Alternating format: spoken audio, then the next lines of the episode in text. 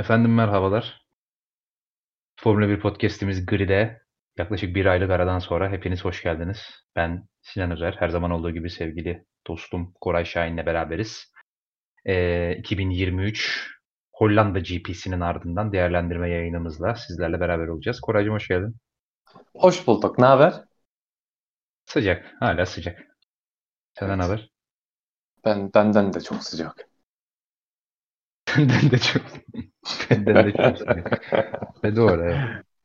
Ee, Hollanda GP'si vardı. Söylediğim gibi. izledin mi? Yok. Ne oldu ki? Döndüler 20 tane araba. Hmm. Ya hakikaten dünyada popüler olan bazı sporlara bakıyorum. 22 tane dal yarak bir topun peşinden koşuyor. 20 tane dal yarak bir yuvarlığa dönüyor arabayla. Ne saçma ya. Kafa evet. yok hakikaten. Ee, ama biz, bizim işimiz bu. O yüzden konuşacağız. Evet Max Verstappen'in eviydi. Burası. Biliyorsunuz. Bora Şahin de biliyordur diye tahmin ediyorum. Yoksa görülmediyse de turunculardan anlamıştır diye tahmin ediyorum. Her yer e, yoğurtlu ıspanak turuncusuydu bu hafta sonu. Bilir misin yoğurtlu ıspanak turuncusunu? Evet. Hiç sevmem. Ispanağı mı yoğurtlu ıspanağı mı? Ispanağı. Senin Doğal olarak ağzına, yoğurtlu ıspanağı da sevmem. Senin ağzına ben ne diyeyim? Yoğurtlu ıspanağı sevmeyen adam mı olur lan? Adam mı olur? Neyse. Ee, bayılırım yoğurtlu ıspanağı. Ee,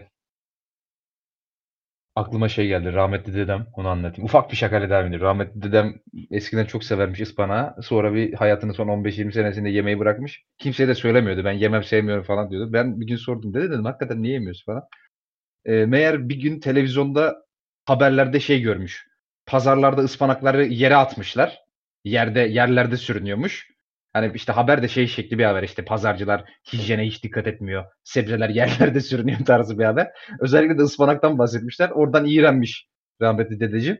O günden beridir ıspanak yemiyormuş meğer. Antika bir insandı kendisi. Buradan rahmetli anlıyoruz kendisini. Nereden baksan iyi karar. Vallahi evet hijyenine düşkün bir insanmış demek ki yani ne diyelim. Ama o yere değdi mi daha bir güzel olur biliyor musun o sokağın tadıyla beraber o da o bir aroma tabii, verir tabii. yani.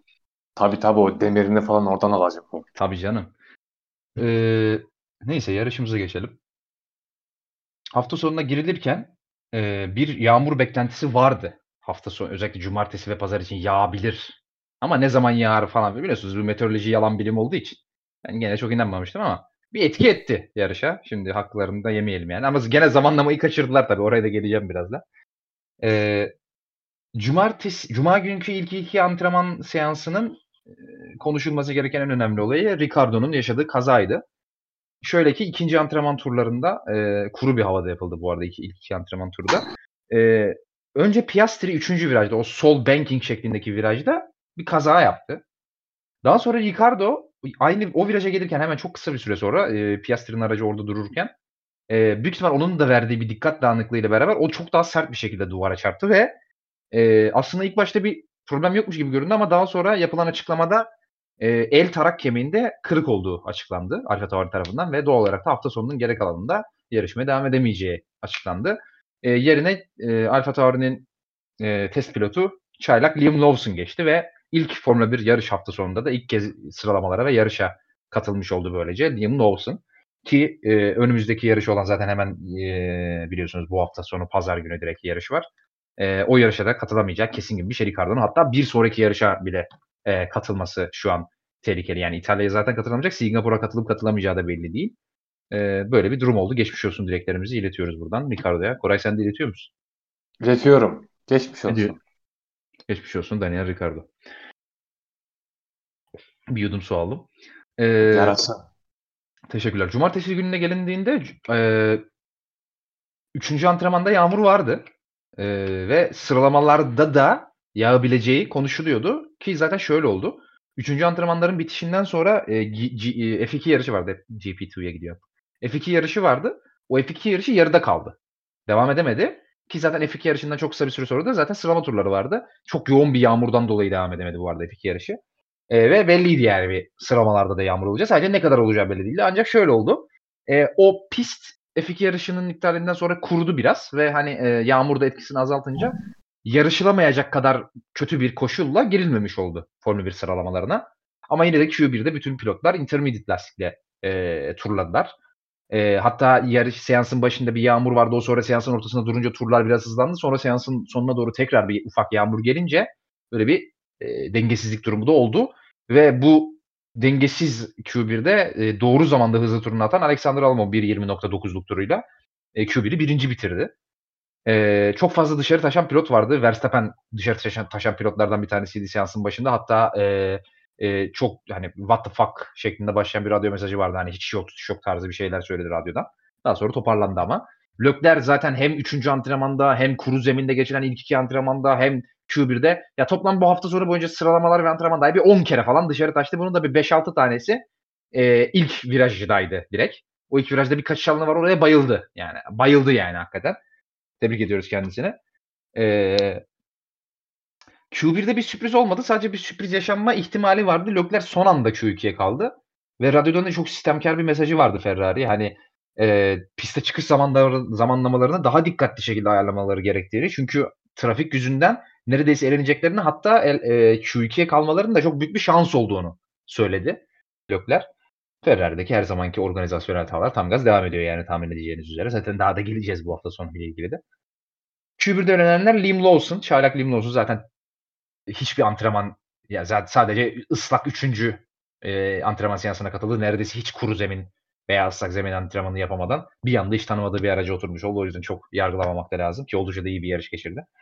E, o Q1'de sonuncu sırada kaldı. Bottas, Magnussen, Ocon ve Guan Yu elenen isimler oldu e, Q1'de. Q2'de e, pilotlar yine ilk başta intermediate lastiklere devam ettiler ancak, ancak seansın sonuna doğru ki e, Q1'in sonlarında yağan yağmurla beraber aslında Q2'nin başlangıcında pilotlar Q1'den de birkaç saniye yavaştı 1-2 saniye. Daha sonra tabii yağmurun durmasıyla ve pistin de yavaş yavaş ısınmasıyla beraber tur zamanları 1.18'lere kadar indi. E, burada seansın en büyük sürprizi e, başarılı anlamda Logan Sargent oldu ve kariyerinde ilk defa Q3'e kalmayı başardı 10. sırada son anda 10. sıraya e, e, kazanarak Logan Sargent. E, bir diğer sürpriz de başarısız anlamda Lewis Hamilton'ın elenmesi oldu. E, Radyo'da bir sistemi vardı ama ben şu an açık söylemek gerekirse sisteminin ne olduğunu hatırlamıyorum. Koray sen hatırlıyor musun? Bir sistemi oldu ama trafiğe mi sistem etti? Araca mı sistem etti? Hatırlıyor musun? Bir, bir sistemi oldu sıralamalarda ama e, elendikten sonra.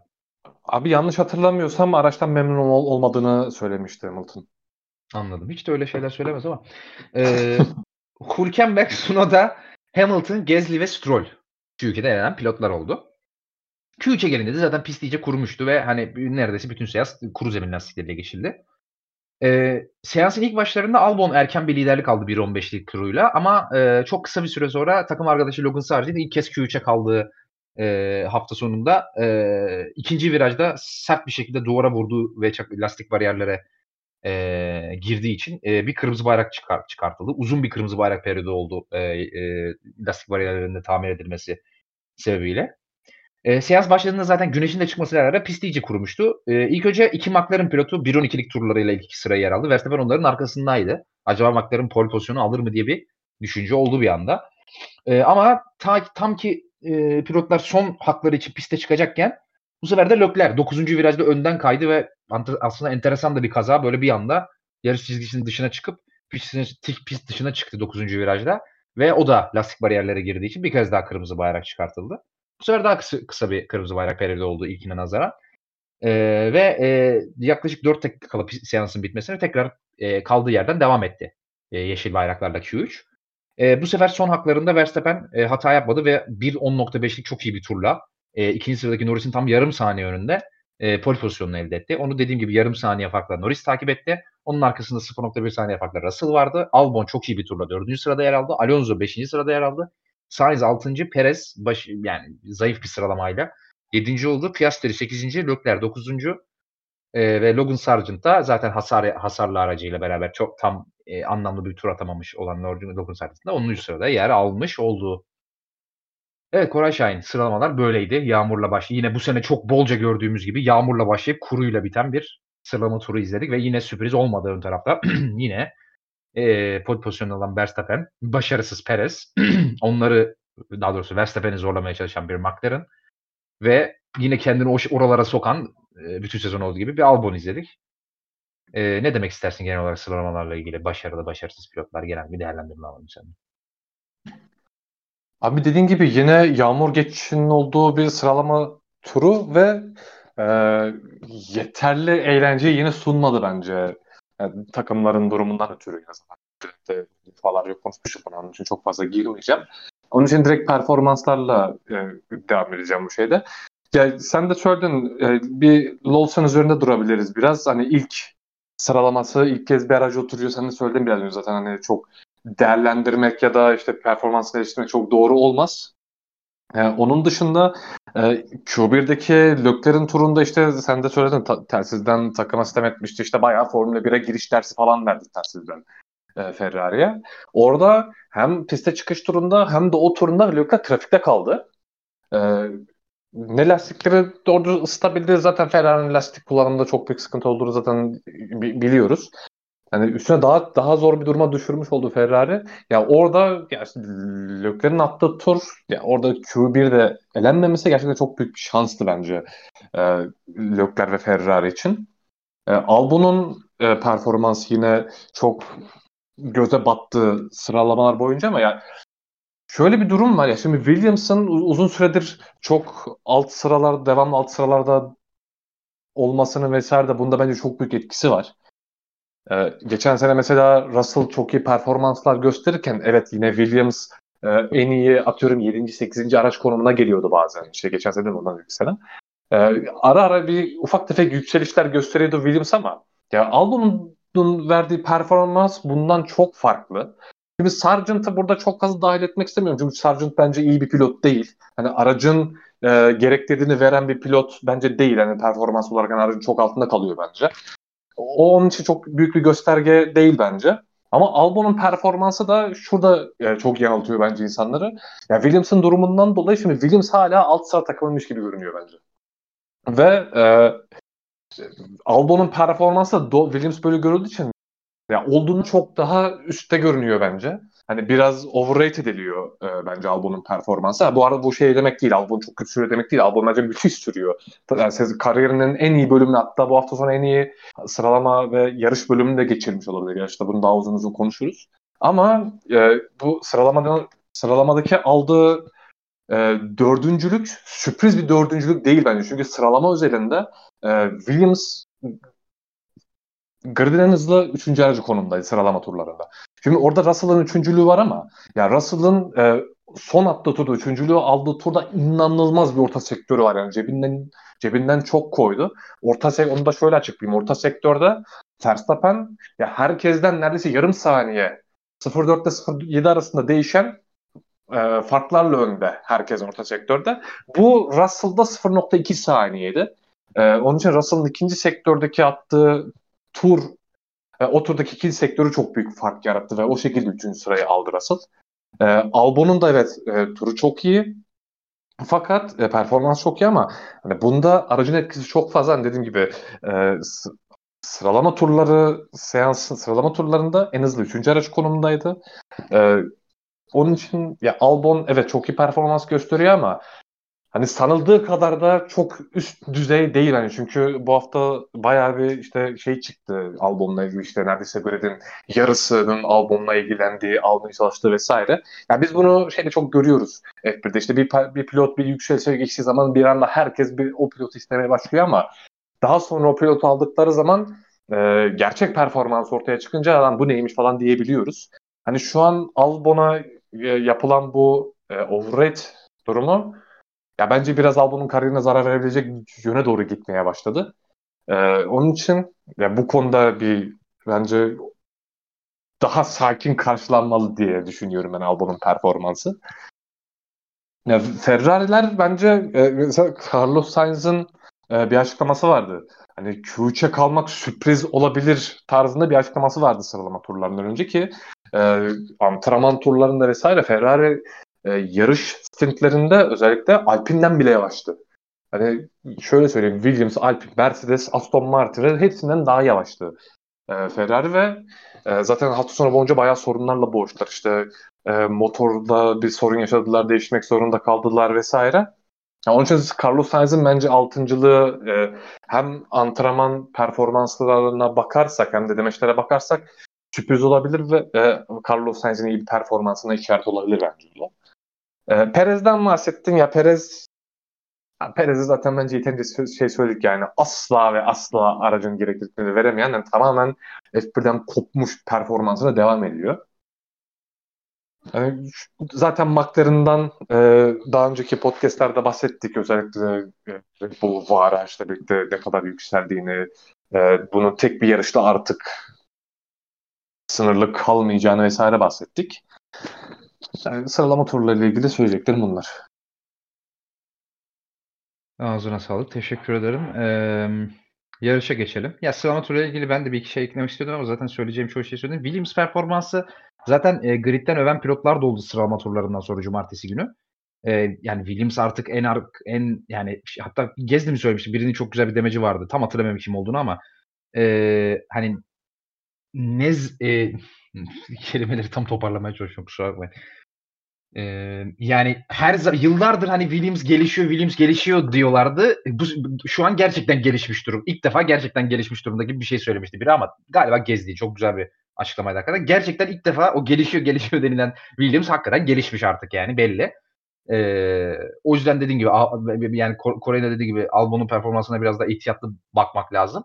E, ama onun da tabii ki çok başarılı bir performansı var ama aracında geçti. Bir gerçek tebrik etmek lazım Williams'ı bu kadar dar imkanlara rağmen. E, yani artık puan alma konusunda neredeyse her yarışta mücadeleci olan bir Williams, Williams görüyoruz biz.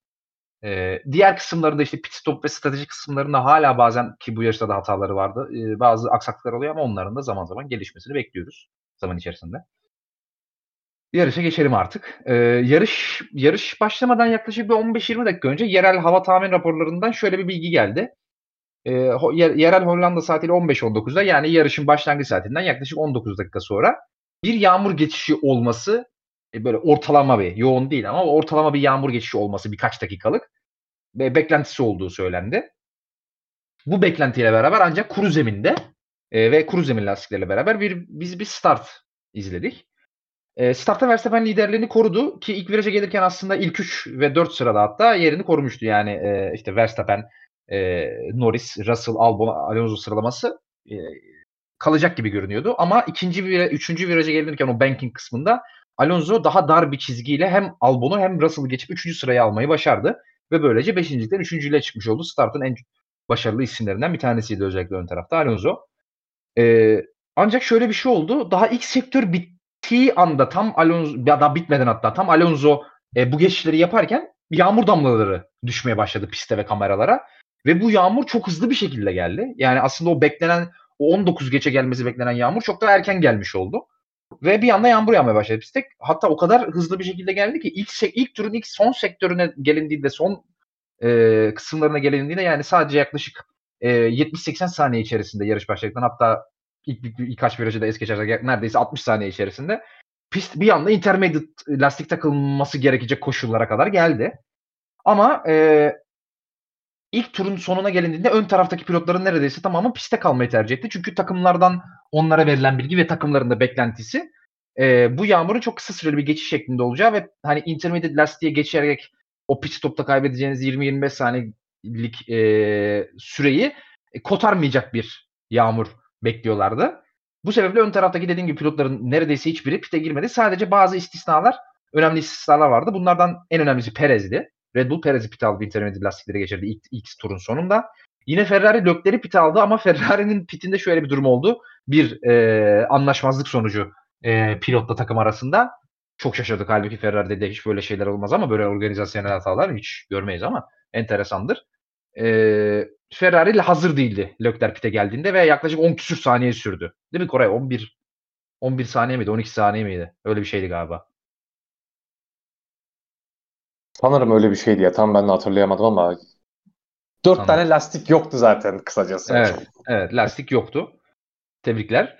Ee, yine Gezli pite gelen isimlerden biri oldu. Yani bu üçlü ön tarafta tabii arkadaki e, diğer Sunoda vesaire e, onlardan da pite giren isimler oldu ama öndekilerden en önemli üç isim buydu. İlk turun sonunda intermediate lastiğe geçenlerden. E, ve bu kararın çok doğru bir karar olduğu hemen görüldü. Çünkü Perez daha çıkış durumda. Daha ikinci turda özellikle öndeki pite girmeyen pilotlar ikinci, üçüncü sektörlere gelindiğinde e, bir anda onlardan sektör başına 5-6 saniye daha hızlı olduğu görüldü. Ve bunu gören pilotların da ön taraftaki pilotların da yine yoğunluklu, çoğunluklu e, ya konuşamadım. Çoğunluğu e, pite girip intermediasya'ya geçmeyi tercih ettiler. Verstappen yarış lideri dahil olmak üzere. Ancak yine de girmeyen pilotlar vardı. İşte Alonso girdi, Sainz girdi vesaire ama yine girmeyen önden pilotlar vardı. E, Norris ve Russell bunların en önemlisiydi. Yine Albon ve Piastri ve Hamilton da ön tarafta e, pite girmeyen isimler oldular. İkinci turun sonunda dahi.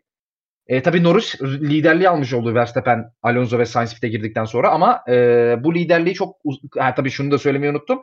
Bu ikinci turda pite girmeyen pilotlar arasında Perez, Leclerc ve Gezdi girdikten sonra piste kalan pilotlar arasında Alonso Norris'i de Yağmur'un da etkisiyle beraber çok iyi bir atakla geçmeyi başardı ve ikinciliğe kadar yükseldi. Ama dediğim gibi daha sonra pite girince Norris liderliği aldı. Ta ki ilk e, start finish düzünün sonunda Russell ona bir atak yapıp pist üstünde onu geçmiş oldu ve o liderliği almış oldu. Ama e, bu kapışma hiçbir işe yaramadı aslında bu pilotlar için. Çünkü üçüncü turda artık iyice pist ıslanınca e, arkada pite giren pilotlar e, teker teker bu pilotlara yaklaşmaya ve geçmeye başladı.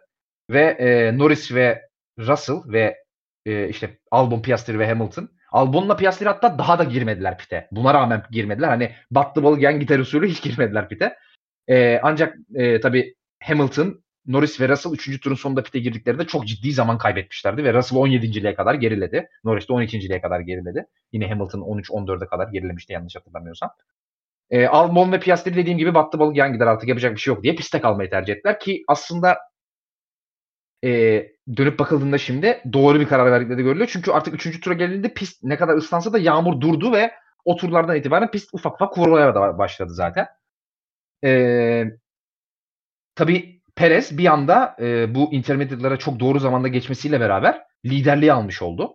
E, ve Gezli de ikinci sıraya e, yükselmiş oldu onunla beraber pite giren. Ve Guanyu, özür dilerim. Guanyu ikinci sıraya çıkmış oldu. Gezdi üçüncü sıraya çıkmış oldu. Verstappen dördüncü sıraya gerilemiş oldu.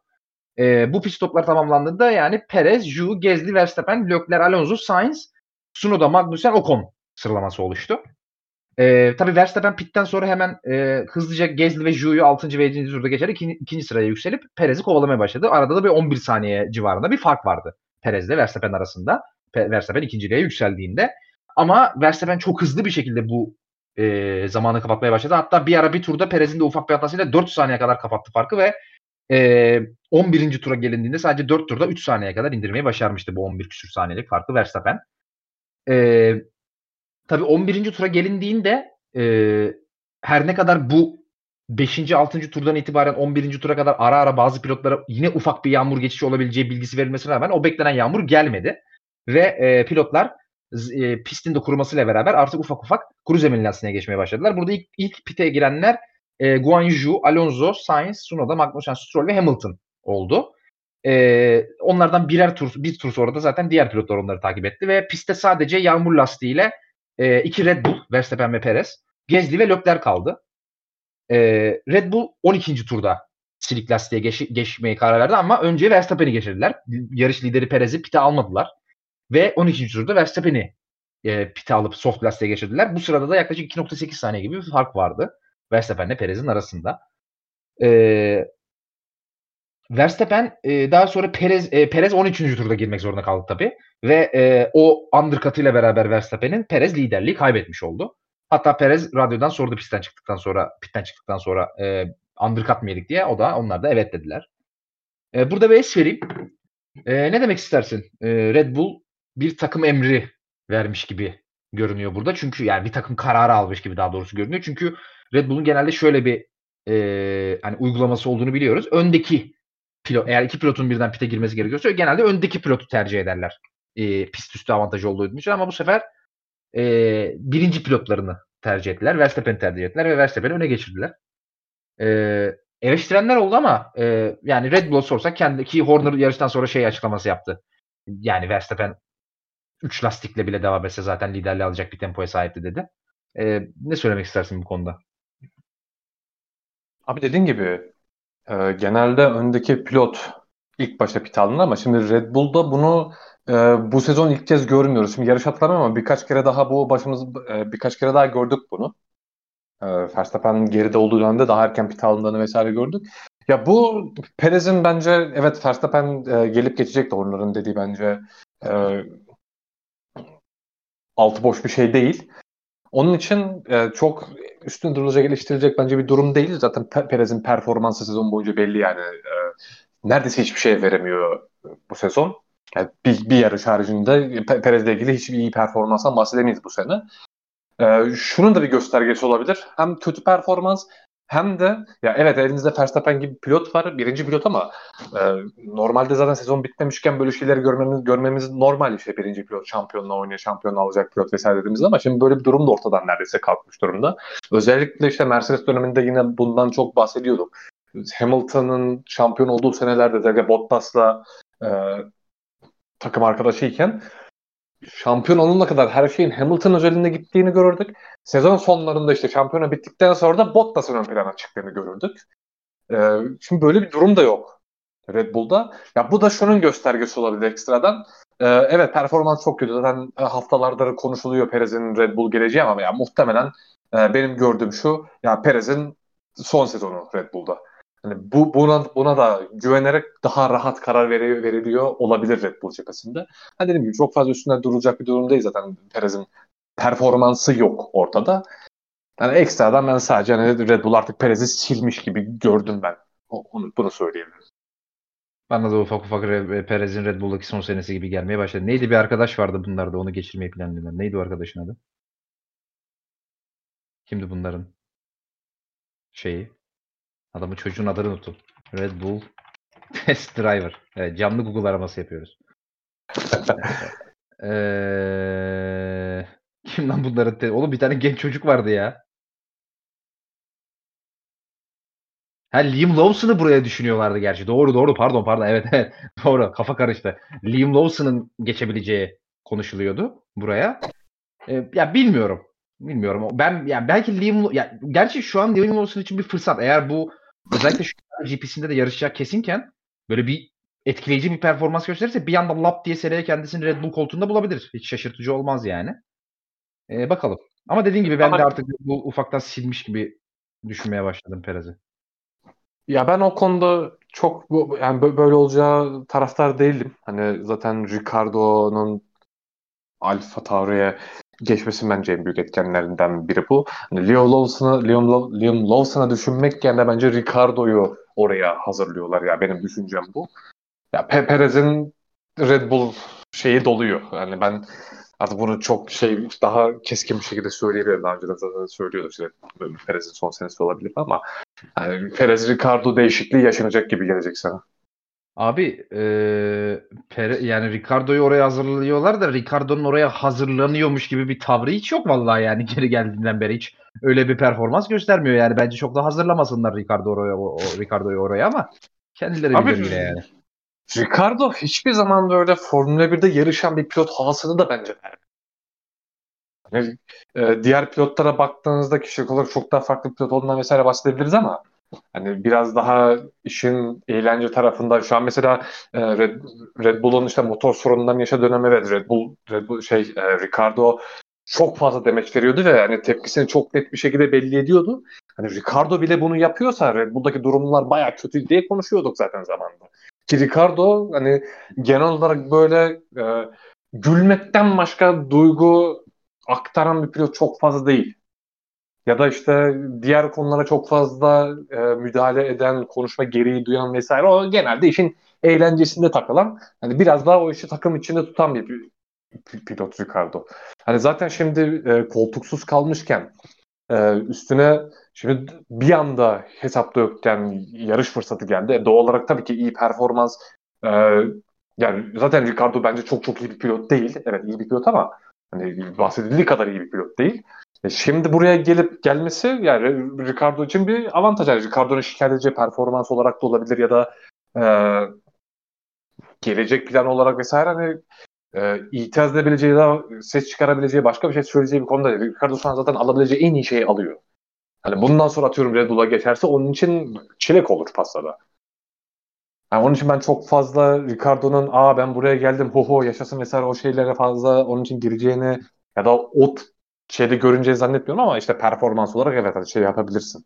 E, sorgulayabilirsin işte o, o kadar performans yok diyebilirsin ama dediğim gibi hani bir sene yarışmamış, yarışmamış pilot. Yani bir de sezon ortasında gidiyorsun yaklaşık bir buçuk sene neredeyse. Yani o, çünkü şimdilik o kadar çok performans değerlendirmesi e, yap, bence yapılması çok doğru olmaz ya dedim ki zaten Ricardo'nun bence sınırı belli öyle yıldız bir pilot hiçbir zaman olmadı bence. E, ama yani Verstappen'in performansı ve Red Bull'u düşünürsek hani Red Bull cephesinde de Ricardo cephesinde de bence tamamen kazan kazan durum olur böyle bir şey olursa. Ben kesinlikle katılmıyorum. Ben yapacaklarını da düşünmüyorum. Yaparlarsa da çok şaşırırım ve hata olduğunu düşünüyorum. Bence Ricardo artık oraların pilotu değil çünkü yani gridin en iyi aracının ikinci pilotu olacak bir konuda kesinlikle değil. Ee, ben kesinlikle böyle bir şey beklemiyorum dediğim gibi. Nacizane Ricardo fanları anama sövmesin. Ee, nerede kalmıştık? Ee, ben nerede? Evet, e, şey Perez'e verilen yani daha doğrusu Perez'i 13. turda pite sokup Verstappen'in ondan önüne atmasında kalmıştık. E, bu tabi bu arada e, pite giren pilotlar arasında yine bir info verelim. Lökler'in bir yarış başında Piastri ile yaşadığı bir teması vardı. O temastan dolayı ön kanadında bir hasar oluşmuştu ve tavanında da bir hasar olmuştu. oluşmuştu ve yarıştan sonraki demeçlerden de öğrendik ki bu yarış devam ettikçe zaten daha da kötüleşmiş. O yüzden zaten tur, turlar devam ettikçe iyice zayıflayan bir Lökler performansı vardı. E, bu pit stopta bu kuru zemine geçiş pit stopunda e, Lökler'in ön kanadını da değiştirdiler. O yüzden, o yüzden iyice geriye düşmüş oldu zaten Lökler. Eee yarış dediğim gibi 13. turda Perez'in de pite gelmesiyle beraber Verstappen liderliğinde zaten artık herkes kuru zemin lastiğine geçmiş bir şekilde devam ederken biraz da monotonlaşmaya başlayacakken 16. turda Logan duvara girmiş, lastik bariyerlere girmiş bir Logan Sargent gördük 8. virajda ve e, önce sarı bayraklar daha sonra da yine e, mevcut yarış hakemlerinin e, işte Neil Wittich beyefendinin çok e, sevdiği şekilde biliyorsunuz Yine yaklaşık 45-50 saniyelik bir bekle saçma sapan manasız bir bekleyişten sonra güvenlik aracı çıkartıldı 17. tur 17. turun başlamasıyla beraber.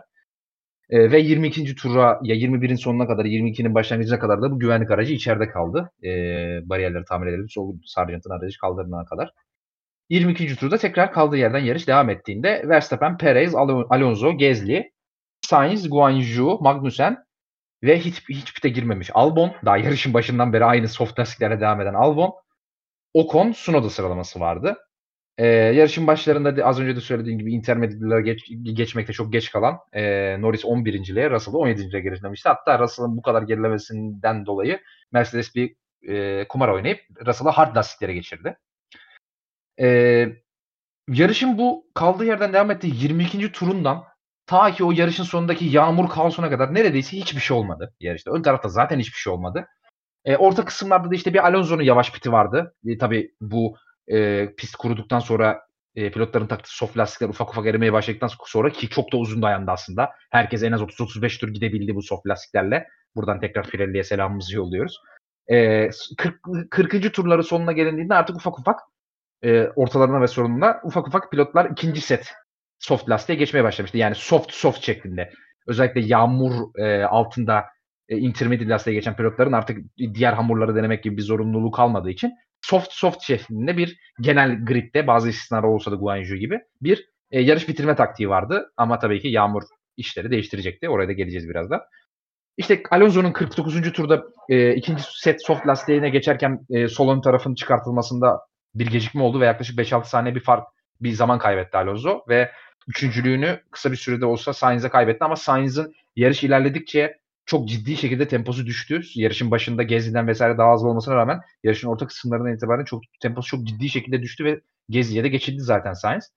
Ee, her ne kadar Alonso'yu hatasından sonra geçmeyi başarsa da Alonso çok hızlı şekilde özellikle piste çıkış turunda bir buçuk saniye daha hızlıydı. E, Sainz'den en hızlı turu da attı zaten ve yeni lastikleri çok hızlı bir şekilde e, yerini geri almayı başardı. Onun dışında dediğim gibi yani Norris'in ve Hamilton'ın ve Russell'ın biraz ufak ufak hard lastikleriyle beraber yuk- yukarılara doğru yüksel- yükselişleri vardı orta sıralarda, sıralarda. Bunlar puan barajına kadar gelmeye çalışıyorlardı ki girmeyi de başardılar özellikle Norris ve Hamilton ama onun dışında çok konuşulacak dediğim gibi bir şey olmadı. Ta ki 50. turların ortalarından itibaren hatta ilk başta 53-54 civarı e, Verstappen'e ve Perez'e radyodan şöyle mesajlar geçti. İşte 10-15 dakika içerisinde bir yağmur geçişi bekleniyor diye önce yoğunluğu söylenmedi. Daha sonra 55-56. turlara gelindiğinde bu yağ- yağmurun yoğun bir yağmur, oldukça yoğun bir yağmur olabileceği e, bilgisi geçirmeye başladı. Yine önce Red Bull, Verstappen'e ve Perez'e söyledi bunu. Yine önce Red Bull'dan duyduk bunu. Daha sonra tüm pilotlara işte kimisi 3 dakika içerisinde, kimisi 5 dakika içerisinde, kimisi 2 tur içerisinde, kimisi 3 tur içerisinde, kimisi çok kısa süre içerisinde vesaire değişen zaman aralıklarıyla beraber yoğun bir yağmurun beklendiği ve hatta wet lastiklere kadar geçilebileceği söylendi. Tabii biz de heyecanlandık ne olacak acaba diye. O beklenen yağmur 60. turda geldi ve o kadar yoğun bir şekilde geldi ki bu yağmur. E, sadece iki sektör içerisinde pistin neredeyse tamamı aqua, aquaplaning yaşanacak kadar, araçların aquaplaning yaşayacakları kadar yani neredeyse göle çevirecek kadar bir yağmur başladı. Bu 60. turun sonunda gridin neredeyse tamamı intermediate lastiklere geçti. Ee, sadece istisnalar Verstappen, lider Verstappen, Alonso ve Al, Al, Alonso, Albon ve Ocon oldu. Bunlar 61. turdu turu beklediler. Intermediate lastiklere geçmek için ama Verstappen yine de liderliği kaybetmedi bir tur sonra girmesine rağmen. Çünkü o 63. turdaki pitteki e, karşılıktan dolayı o bir tur erken girme avantajını çok fazla yaşayamadı pilotlar. E, 61. ve 60. turdan itibaren özellikle pist iyice yani yo, yağış çok ciddi şekilde şiddetini arttırdı. Neredeyse muson yağmuru derecesinde arttırdı ve pist çok ıslandı. Ve e, 63. 63. turun başlangıcında 62'nin bitişi 63'ün başlangıcında o sırada ikinci sırada yer alan Perez e, bir spin atıp e, arka kanadını lastik bariyerlere vurdu. Birinci virajın e, dışındaki bir lastik bariyerlere vurdu ve hem arka kanadına hasar verdi hem de ikinciliği Alonso'ya kaptırmış oldu. Ama yarışa devam edebildi. Bu olaydan çok kısa bir süre sonra da zaten 2-3 pilotun Bottas ve e, e, Albon dahil birkaç pilotun dışarı taşmışla beraber artık yarış kontrol olaya müdahale etti ve önce bir virtual safety car daha sonra da kırmızı bayrak çıkarttı. Ee, yine uzun sürebilecek, uz, uzun sayılabilecek bir kırmızı bayrak periyodunun ardından e, tabii bu kırmızı bayrak periyodu arkasında Verstappen, e, e, Perez'in hasarlı arka kanadı da tamir edildi ve e, yarış kontrolden de bütün pilotların yarışa intermediate yani yarış restart verildiğinde intermediate lastiklerle e, başlama zorunluluğu e, olduğu bilgisi verildi. Herkes intermediate'lerle başlanacak dendi yarış kontrol tarafından. Ve rolling start olacağı yani hareketli restart olacağı ve e, standing restart olmayacağı söylendi yine yarış kontrol tarafından. Ve e, güvenlik aracının da pitte, pistte iki tur kaldıktan sonra içeri gireceği söylendi. Yine geçen bu sene Azerbaycan'da getirilen yeniliklerden bir tanesi biliyorsunuz. E, güvenlik aracının ne kadar eğer mümkünse güvenlik aracının ne kadar piste kaldıktan pitte, e, pist üstünde kaldıktan sonra pite gidileceğini de önceden söylüyor artık yarış kontrol. E burada rolling start yapılması, standing start yapılmaması eleştirildi. Çünkü intermediatlarla ge- geçilecek kadar zaten yağmur durmuştu ve inter- yani pist e, belli bir kuruluğa da ulaşmıştı hani intermediatlarla devam edecek kadar. Neden hani standing start yapılmadı diye bir eleştiri geldi. Bence çok haklı bir eleştiri. Yani yarışlara daha fazla heyecan gelsin diye bir e, böyle bir değişiklik yapıldı. Bence standing start verilmeye çok uygun bir koşulla vardı. Bence yani heyecan elimizden alındı. Çok yanlış bir karardı bence. Korkak davranıldı diye düşünüyorum. Ne sen ne düşünüyorsun Koray bu karar hakkında? Abi bu işte hem Pirelli kaynaklı hem de e, Formula 1'in biraz daha safe kararlara yönelmesinden falan daha önceden bahsetmiştik. Yani hep bunlardan kaynaklanıyor. Mesela bu yarışta da aynı şeyi gördük. Artık yani standing, standing start yapılabilecek duruma gelinmiş zaten. Pist bayağı kurmuştu ki yağmur zaten e, şiddetli olan yağmur çok uzun sürmedi. E, bir anda indirip bıraktı. Ve yarış başlattığında zaten pistin e, pistte hatta koru bölgeler oluşmuştu. Özellikle işte birinci sektörde, birinci sektörün başlattığı ilk iki viraj. Bir de üçüncü sektörün son bölümünde özellikle çok fazla su birikintisi vardı ve zaten bu bölgelerde kurumuştu. Ve şey durumu da yoktu hani zaten yarışın başında da gördük. Çok çok e, yarışı e, zorlaştıracak derecede de bir sprey olmadığını zaten biz tekrardan tekrar yarışın tekrar başladığında da gördük. Yani onun için bence yine aynı şekilde yani güvenli yolu seçmek için verilmiş bir karar. Hani her yani şey e, standing start yapılmayacak kadar da kötü koşullar yoktu yarış tekrar başladığında. Yani Pirelli'nin zaten e, özür dilerim Pirelli diyorum. Yarış hakemlerinin yarış kontrolünün daha doğrusu. E, yani bu standing start ne zaman yapılacak, ne zaman yapılmayacak o kadar e, belirsiz ki ve o kadar tutarsız ki bu kararlar. Hani yani şu, yani şunu bile diyemiyorsun. Hmm, yani büyük ihtimal standing yaparlar ya da hmm, yani büyük ihtimal rolling yaparlar. Yok çünkü bir tutarlılık yok. Bugün diyorlar ki ya bugün rolling yapalım ya falan. Yani abi bari şey deyin yani hani bir şeye bağlı olsun değil mi? Ya de ki mesela pist ıslaksa standing yapmıyoruz kardeşim. Sadece pist kuruysa standing yapıyoruz falan deyin bari de. Hani biz de bilelim mesela değil mi? Yo yani ona da bağlı değil. E mesela iki güvenlik aracının sadece iki tur sonra pite dönebilmesini sağlayacak kadar az bir yağmur varsa niye standing olmuyor mesela falan. Yani Neyse ne diyeyim. Allah akıl fikir versin. Ee, 66. turda güvenlik aracı içeri girdi ve yarış kaldığı yerden e, 7 tur kala devam etti. E, 6, 6 tur özür, özür diliyorum. E, yarışın restartında çok fazla bir olay olmadı. E, Alonso böyle bir içeriye bakış atacakmış gibi oldu. Çünkü o son virajı, start virajı düzene çıkan son sağ virajı oldukça iyi döndü Alonso. Spreye rağmen. Böyle bir içeriye bir dalacakmış gibi oldu. Ki yarıştan sonra bununla ilgili bir demeci de var galiba ama e, dalmadı. Dalmamayı tercih etti. E, ve aslında yarışın ön tarafında hani sıra sıra anlamında çok bir değişiklik olmadı. Sadece yeşil bayrağın e, yeşil bayrak verilmesinden e, kısa bir süre sonra Perez'in 5 saniye e, şey cezası olduğu zaten yarışın ortasındaki ikinci pit stopunda almıştı bu cezayı. Bilgisi tekrar geçildi Perez'in e, speeding in the yani e, pit yolu hız limitini aşmaktan dolayı 5 saniye bir ceza aldığı bilgisi tekrar hatırlatıldı. E, Perez'in arkasındaki podyumunu korumak için arkasındaki Gezli'yle farkı 5 e, saniye çıkarması gerekiyordu ama çıkaramadı. Böylece Gezli podyuma çıkmış oldu. Podyumun son, son basamağını almış oldu. E, onun dışında zaten çok fazla bir durumda yaşanmadı açık söylemek gerekirse bu e, restarttan sonra. E, kimse Verstappen'e veya Alonso'ya bir e, hamle yapacak kadar yaklaşamadı. Ve Verstappen, Alonso, Gezli, Perez şeklinde 2023 e, Hollanda GP'sini tamamlamış olduk. Sainz 5. sırada bitirdi yarışı. Her ne kadar e, yarışın ikinci bölümünde tempo anlamında ciddi sıkıntılar yaşasa da. Hamilton 6. oldu. Sainz'a yaklaşıyordu ama e, yarış yetmedi. Yarış zamanı yetmedi yani. Norris 7. oldu. Albon e, hiç pite girmemişti ilk yarışın ilk başlarında o yağmur bölümlerinde. 8. almayı bir şekilde başardı. Piastri yine pite girmeyen pilotlardan bir tanesiydi o ilk kısımda. E, o da 9. oldu. Ocon günün son puanlarını e, Alpine'le beraber alan pilot oldu. E, böyle bir e, Hollanda GP'si geçirdik. E, iki kere yağmurun etkilediği, kırmızı bayrakların olduğu e, ama yani hani Geri Lineker'in dediği gibi hani futbol 90 dakika oynanan ve sonunda Almanların kazandığı bir spor. Tam hakikaten yani Formula 1'de bir şeyler oluyor. Yani dünya yıkılıyor. Gene Verstappen kazanıyor. Böyle. Yine böyle bir yarış oldu.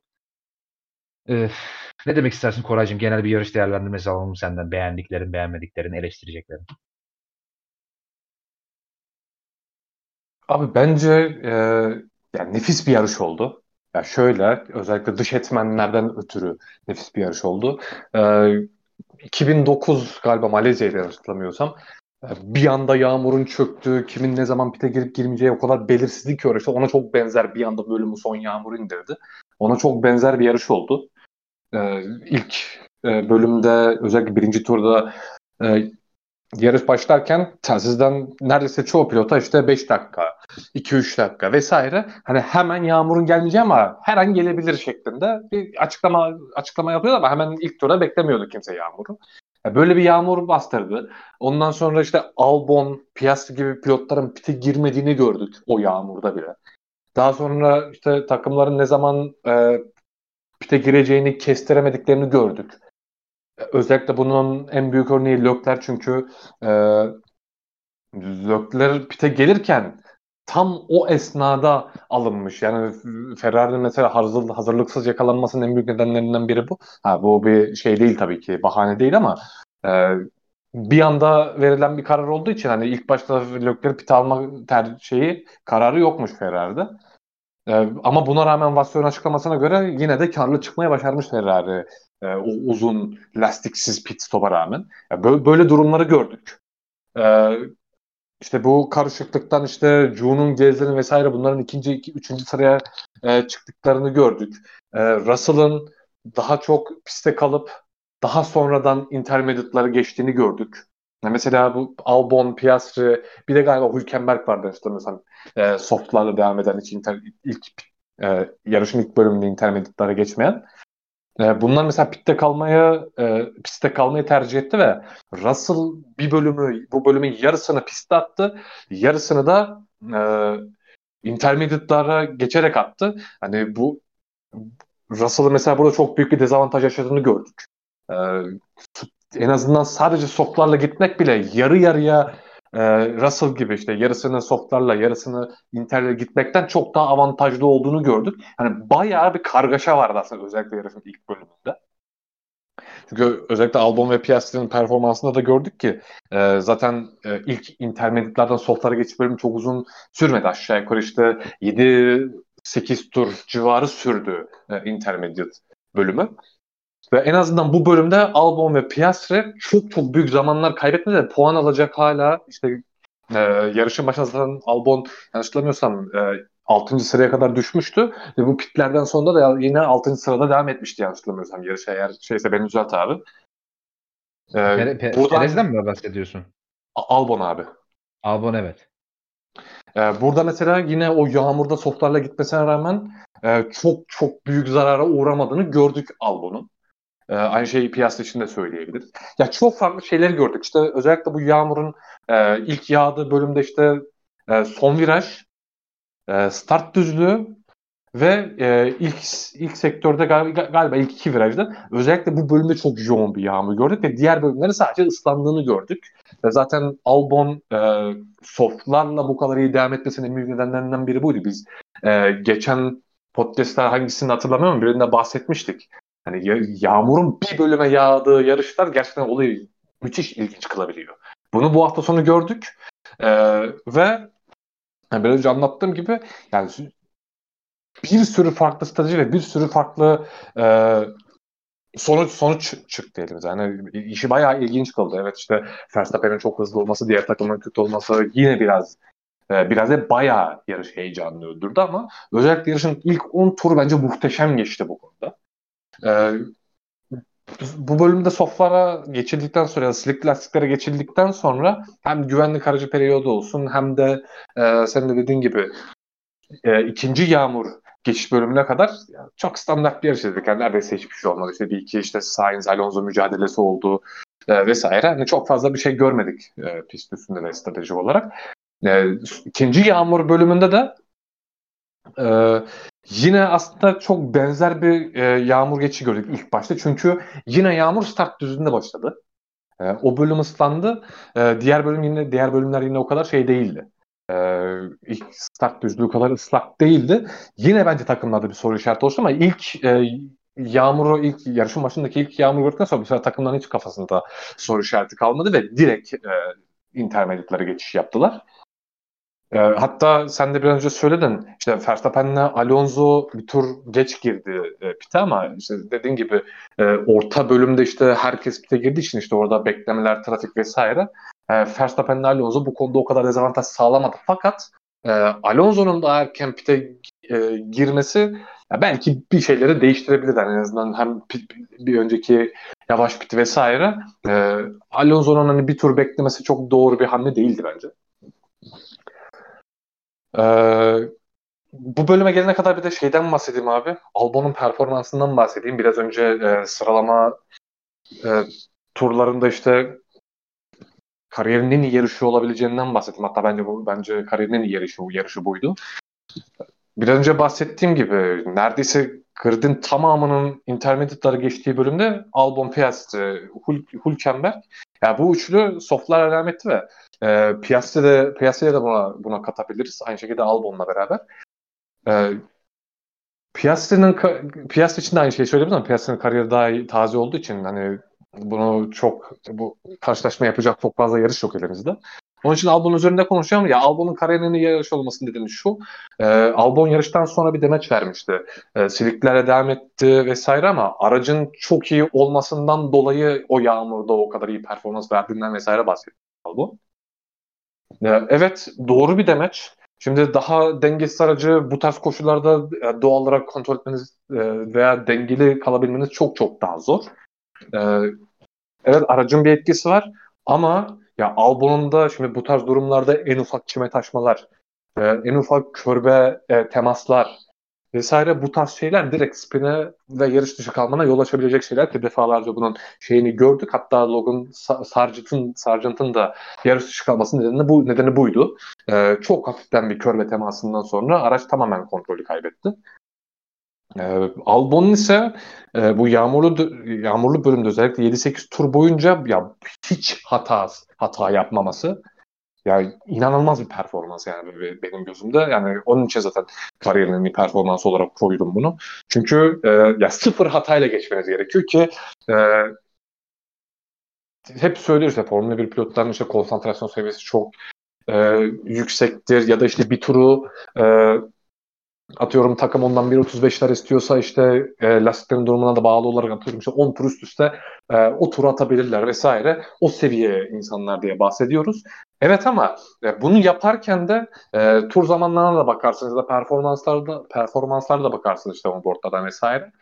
İşte ufak bir kontrol olabilir. E, çok ufak dışa taşma olabilir vesaire. Ufak tefek yine hatalar her turda görürsünüz. Yani neredeyse çoğu turda bu vardır. İşte sıralama turlarında da vardır, yarışta da vardır vesaire. Albon'un bu bölüm tamamen kusursuz. İnanılmaz bir 7-8 tur geçirdi. Hani o bahsettiğim ufak hataları bile yapmadı neredeyse. Ee, onun için e, Albon'un performansına işte evet e, araç çok hızlandı. Albon yine e, üst sıralara falan oynamaya, oynamaya başladı. E, evet e, şey övülecek bir nokta ama Albon'un e, at, atıyorum sıralama turlarında aldığı dördüncülük veya yarışta aldığı sekizincilik, altıncılık vesaireden çok çok daha değerli bir performanstı bugünkü e, pilotajı. Onun için Albon'u e, bu, burada bir parantez açmak istedim. E, yarışın son bölümünde de e, kır, öncelikle şey e, şunu söyleyeyim. E, yarı, özellikle kırmızı bayrağın çıkmasının en büyük nedenlerinden biri de birinci virajdı. Çünkü birinci viraj e, tamamen göle dönmüştü. E, Bottas mı kaza yapmıştı orada? Cu muydu? Galiba Hangi hangi kaza ediyorsun? Cu kaza yapmıştı. Bu şeyde birinci virajda dışarı uçtu. Yağmurdaki mi mi diyorsun? Aha, Cu'ydu Bottas, tamam, Bot, tamam. Bottas'tı galiba. Cu Cu abi Cu yarış kaldı. Cu muydu? Bakalım. Aha. E, Cu orada uçtu. E, Suno da orada uçtu. Perez orada uçtu ve hepsi bu frenlemede oldu. Erken frenlemeye rağmen oldu ki orada çok büyük bir birikinti olmuştu ki en büyük de zaten e, yarışın durdurulması nedeni orasıydı. E, zaten wet lastiklere e, zaten konuşuyoruz e, yıllardır. Wet lastiklere güven tamamen sıfır. E, Verstappen'le Ocon'un geçtiğini gördük ama hatta Ocon lastiğe geçtikten sonra bu tamamen saçma sapan bir kararda falan dedi yani telsizden. Hiçbir şekilde performans alamıyorum demişti lastiklerden. Ya o bölümden sonra e, sen e, tekrar yarış başladığında Alonso Verstappen meselesinden bahsettin. Şimdi restartta e, Alonso aslında iyi bir restart alamadı ama hem son virajı çok iyi döndü hem de çok iyi bir çekiş yakaladı o bölümde ve, ve e, normalde aranın açılması gerekirken e, doğal olarak hem Verstappen daha önce düzlüğe çıktı, e, daha iyi restart aldı vesaire. Bu aranın açılması gerekirken başladı. Alonso orayı kapatmaya başladı. Ee, ki sen de söyledin. Alonso'nun bir demeci vardı. E, Verstappen atak yapmaya düşündüğüm şeklinde bir şey söylemişti ve aslında onu da biraz bulmuştu. Verstappen e, çok çok iyi bir savunma pozisyonu almadı. Hatta neredeyse hiç iyi bir savunma pozisyonu almadı bence. Alonso'nun bence atak fırsatı vardı ama şimdi e, yarışı e, bal heyecanını biraz düşüren noktalardan birine geleceğim burada.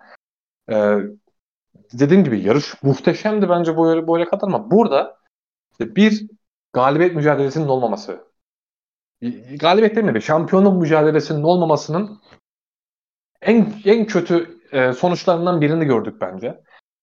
Çünkü e, Alonso kendi söyledi, kendi de söyledi. Ben atak yapabilecek, atak yapmayı düşündüm dedi.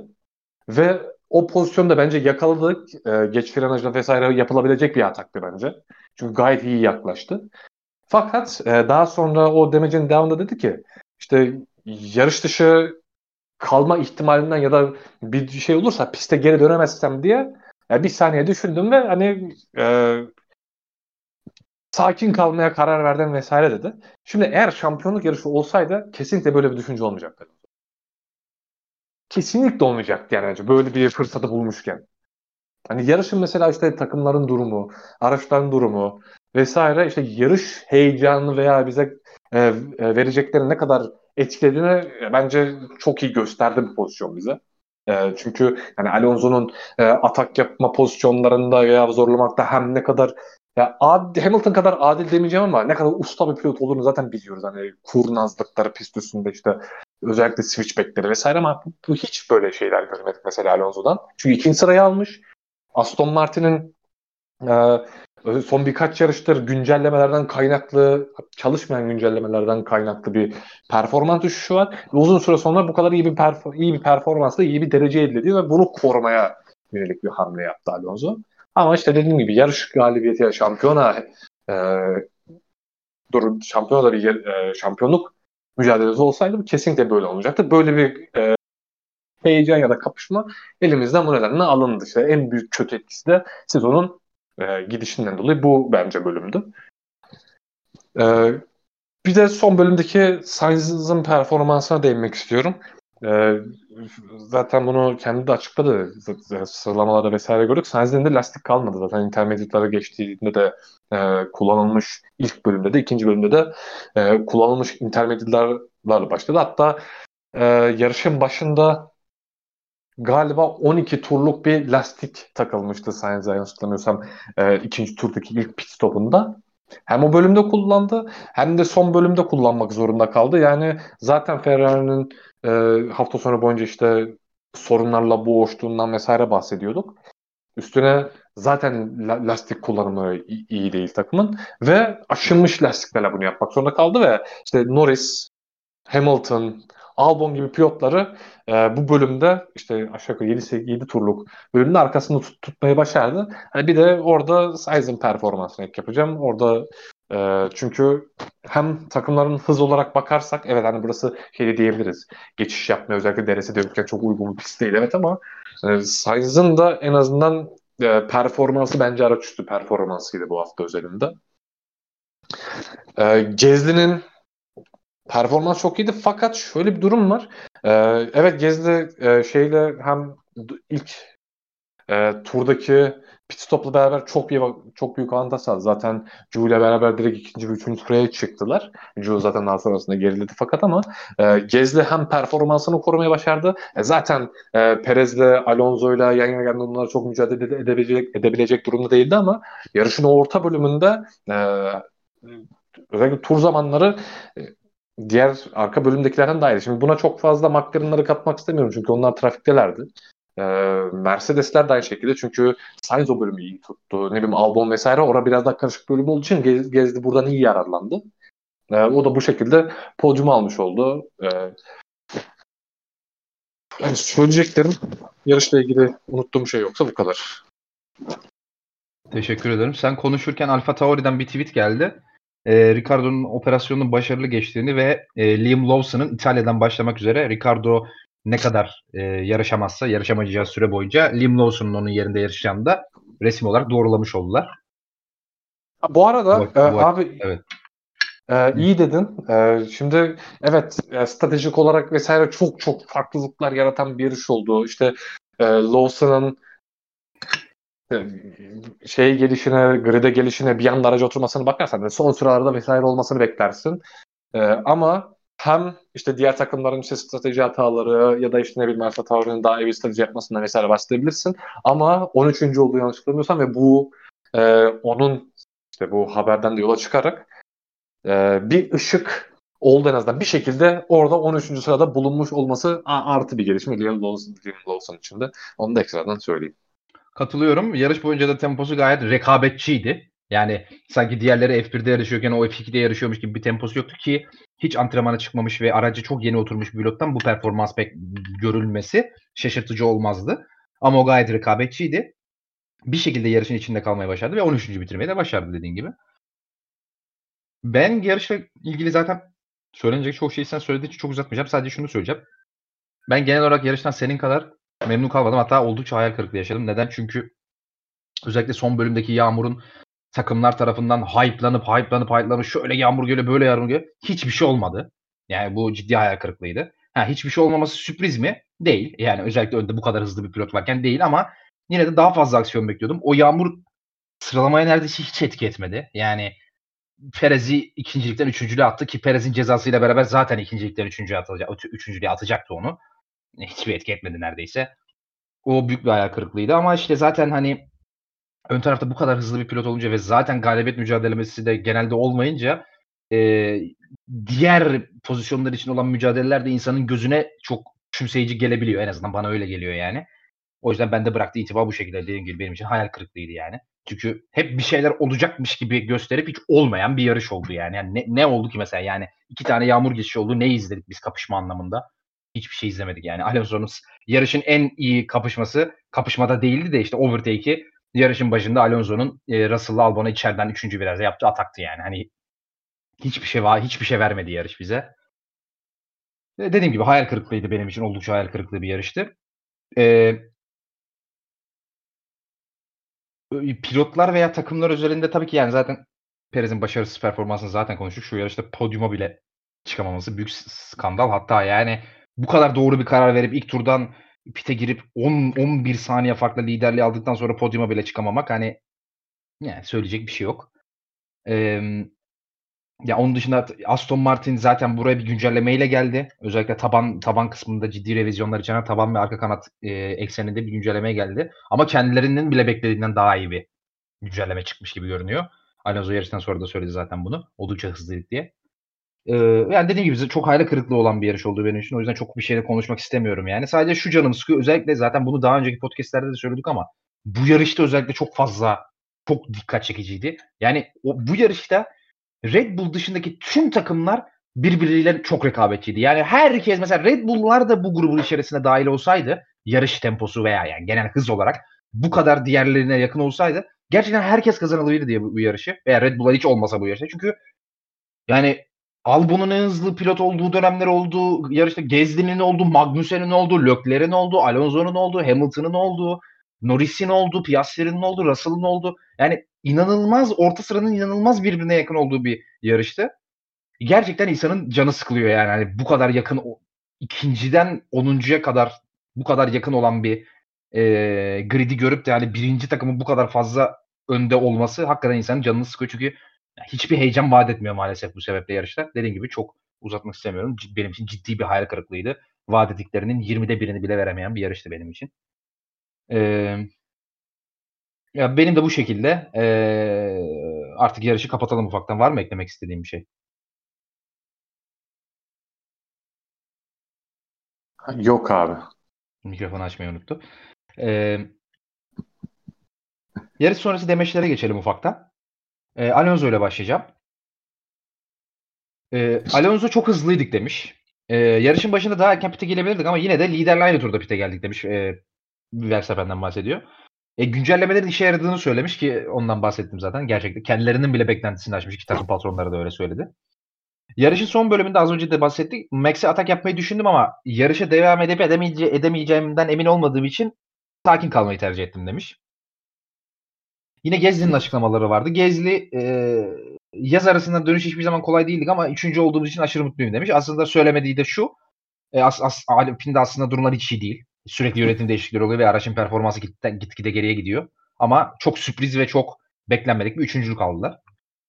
E, tebrik etmek gerek. O yüzden Gezli'nin de çok morali yerindeydi tabii ki. E, Sainz yine az önce Koray'ın bahsettiği gibi lastik problemlerinden bahsetmiş. Lastik hamurları kalmamasından. Sıralamalarda kullandığı las, yağmur lastiğini yarışta da kullanmak zorunda kaldı demiş ki Koray'da dediği gibi 13 turluk bir lastiği, geç, lastiği geçmek zorunda kalmıştı. Sainz ama yani Verstappen de benzer şekilde kullanılmış bir lastiğe geçmişti. Oradaki performans şu Sainz kadar olmadı. Ee, hani araca da bağlayabiliriz tabii ki bunu. Ee,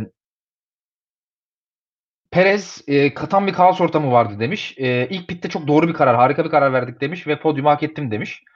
Ama yani podyumu hak ettiysen alacaksın. yani kendi hatası tamamen alınması.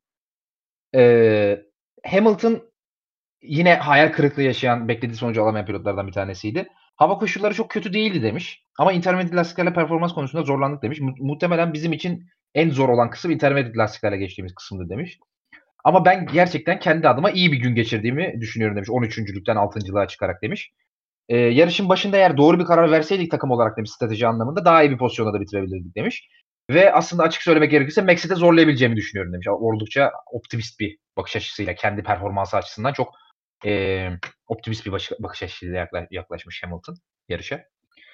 E, Russell daha pesimisti tabii ki yarışın yarışta yaşadığı olaylar düşününce. Bizim için yarış daha başlamadan bitti çünkü e, bize gelen hava tamir raporları e, hiç beklendiği gibi olmadı demiş. Yarışın başındaki yağmurun çok uzun sürmeyeceğini düşündük ama beklediğimizde uzun sürdü demiş ve yarışımız mahvoldu demiş Russell. Yine Fred Vasseur Ferrari takım patronunun açıklamaları vardı. Ee, ilk turun son sektöründe yağmur başlamıştı ve Leclerc pite girmeye karar verdi demiş. Ee, geç verilmiş bir karardı kendi açısından. E, ama aslında kendi açısından da doğru verilmiş bir karar olduğunu düşünüyorum demiş. Ama biz e, tabii pit yolunda buna hazırlıksız yakalandığımız için yaklaşık 6-7 saniye bir zaman kaybettik demiş. E, buna rağmen yine de diğerlerine karşı avantajlı bir konumdaydık demiş Leclerc özelinde ama tabii ki Leclerc'in e, bu avantajlı konumunu kullanmasına aracındaki hasar müsaade etmedi. Albon'un yine açıklamaları var. Albon 6. bitiremediğimiz için hayal kırıklığı yaşıyorum demiş. E, en güçlü hafta sonumuzdu demiş sezonda performans olarak. Aracınız çok iyi durumda olmazsa aynı lastiklerle 44 tur gidemezsiniz demiş. Kendisini soğuk lastiklerle 44 tur gitmesinden bahsediyor. Ama biz bunu başardık demiş. Yağmurun uzun sürmeyeceğini ve pek yoğunlaşmayacağını düşündük demiş. Tıpkı Russell'ın söylediğine benzer bir demeç burada. Yarışın başından bahsediyor. Ee, inanılmaz bir yağmur yağdı demiş. Yani ya çok ya hep ya hiç yani ya çok fazla yağdı ya hiç yağmadı gibi bir durum olmuş demiş ve 10 saniyede bir anda e, pist inanılmaz ıslanabiliyordu demiş. Yağış, ya, yağışın çok ani ve yoğun geldiğinden bahsetmiş. Günün başarılı isimlerinden bir tanesi olan Albon. Yarış sonrası öne çıkan demeçler de bu şekildeydi. Ee, böyle bir yarıştı. Dediğim gibi Koray zaten genel değerlendirmesini yaptı. Ben genel değerlendirmemi yaptım. Ee, tekrar Koray'a bir son söz vermek istiyorum. Ee, ne demek? Yani son söz derken yarış değerlendirmesiyle ilgili. Koray e, eklemek istediğin bir şey var mı? E, Hollanda Grand Prix'si ile ilgili.